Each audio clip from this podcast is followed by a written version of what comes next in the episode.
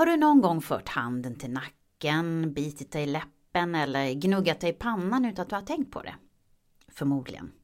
Har du instinktivt ryggat tillbaka när du blivit förvånad över något? Förmodligen. Tillhör du de som blir helt perplexa bara av tanken av att tala inför andra? Ja, då är du helt normal. Så där reagerar kroppen. För kroppen reagerar precis som den gjorde för 40 000 år sedan. Och det är väldigt intressant att följa alla våra smarta hjärnforskare. Jag följer Anna Tebelius Bodin, jag följer Sissela Nattli, jag följer Katarina Gospic. Jag har med glädje sett alla Anders Hansens program på eh, SVT, Din hjärna, och läst hans böcker. Och han inleder ju varje program där eh, på SVT med att säga att vi är biologiska varelser från savannen med en hjärna formad för en värld som vi sedan länge har lämnat. Men våra hjärnor är ju nästan precis likadana nu som för 40 000 år sedan och vi reagerar på ett sätt som var till fördel för oss då, men som kanske inte är riktigt till vår fördel nu. Vad har det här att göra med kroppsspråk då och min podd? Jo men först var det ju faktiskt så att vi lärde oss och vi fortfarande lär oss som små bebisar att läsa av ansiktsuttryck och att göra oss förstådda med hjälp av kroppen och rösten. Och sen successivt, ganska sent, så lär vi oss något sorts språk beroende på var vi i världen bor.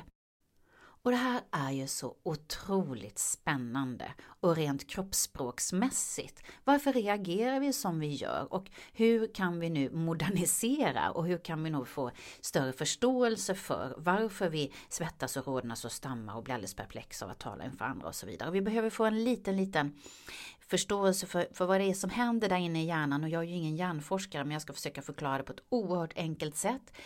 Vi har ju en uppdelning i hjärnan, massa olika spännande delar. Eh, vi talar om reptilhjärnan, men det är egentligen inte ett vetenskapligt begrepp, utan det används när man ska förklara det väldigt generellt.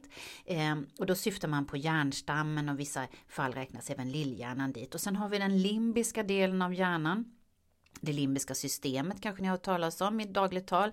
Och det är ju där våra känsliga och ärliga och direkta responser finns. Det är det som vi reagerar på reflex och blixtsnabbt. Och den här delen av hjärnan den är på alerten hela tiden och hjälper oss att överleva.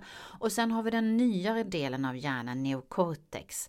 Ehm, och det är den mänskliga intellektuella tänkande hjärnan så att säga. Och det är den delen av hjärnan som bland annat analysera det som sker och tänker åt oss.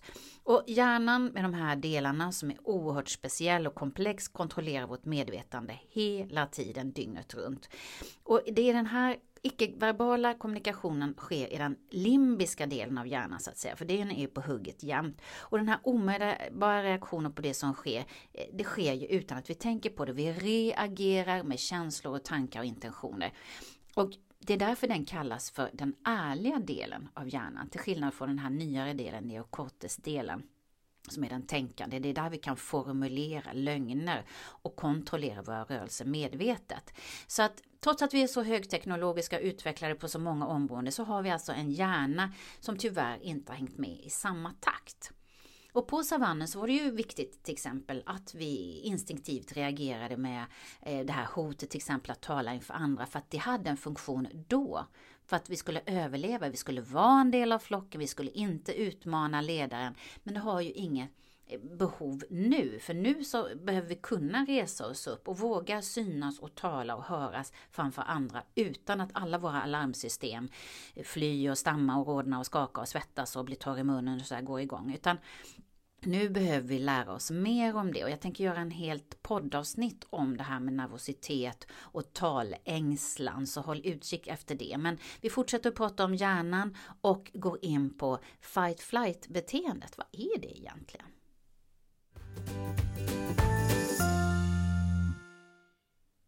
Du har säkert hört talas om fight-flight-responsen, eller för svenskat brukar det kallas flykt och kampresponsen.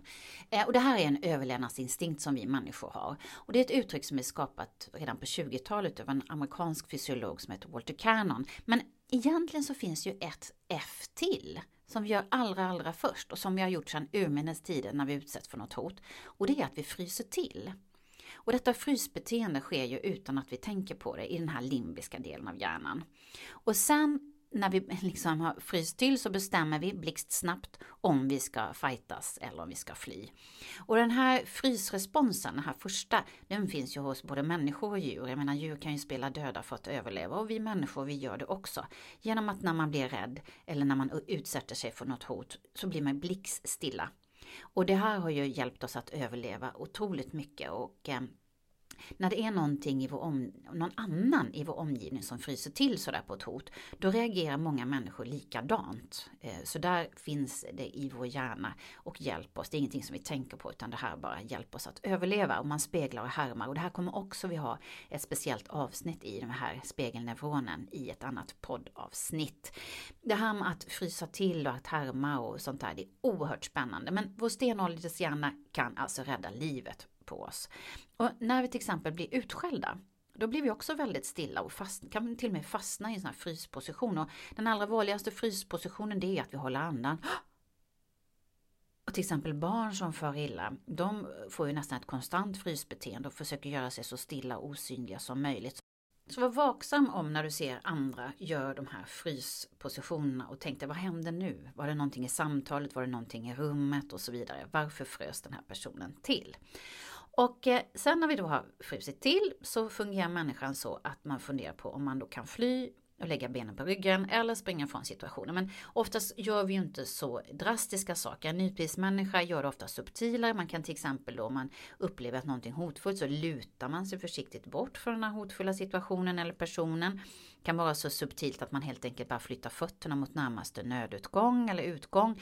Eller att man skyddar sig själv med armarna eller man tar upp saker och skyddar kroppen kroppen, eh, framförallt magen och, och, bröstet där man kan lägga liksom väskan i knät eller känner igen när man blir rädd när man kollar på en läskig film att man bara sätter kudden i famnen eller man sätter händerna för ögonen eller döljer hela ansiktet. Och sådana här gester som man gör omedvetet, det kontrolleras av den här limbiska delen av hjärnan. Och det är ju en indikation på att personen vill distansera sig, fly vid sitt tecken på obehag. Och när du ser sådana här tecken på obehag så, hmm, kan du fundera, vad händer nu i situationen? Eh, och när man vill stanna och ta fighten då, vad händer då rent kroppsspråksmässigt, den här tredje överlevnadstaktiken? Ja, lyckligtvis är det inte så många av oss som börjar slåss, sparkas och bitas och sådär. Men ett annat fightbeteende som är lite mer subtilt, det kan ju vara att personen börjar brösta upp sig, gå närmre den här personen som hotar en eller den hotfulla situationen, att man höjer volymen på rösten eller att man blänger med ögonen eller hånler eller på något sätt gör att man ser hotfull ut eller inkräktar på den andra personens revir genom att breda ut sig väldigt mycket, breda ut sig med saker, breda ut sig med kroppen. Och när vi är i det här tillståndet av att vilja slåss, då fungerar inte våra kognitiva förmågor sådär jättebra. Vi blir inte så smarta utan vi blir väldigt låsta på att eh, slåss. Så att det här är oftast en väldigt dålig taktik.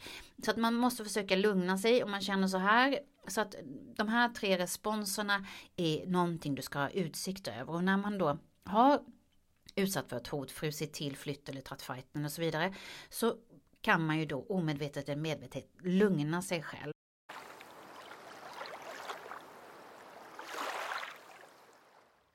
Det bästa sättet att lugna sig själv och det enda sättet, det enda vi kan kontrollera i det autonoma nervsystemet, det är ju andningen.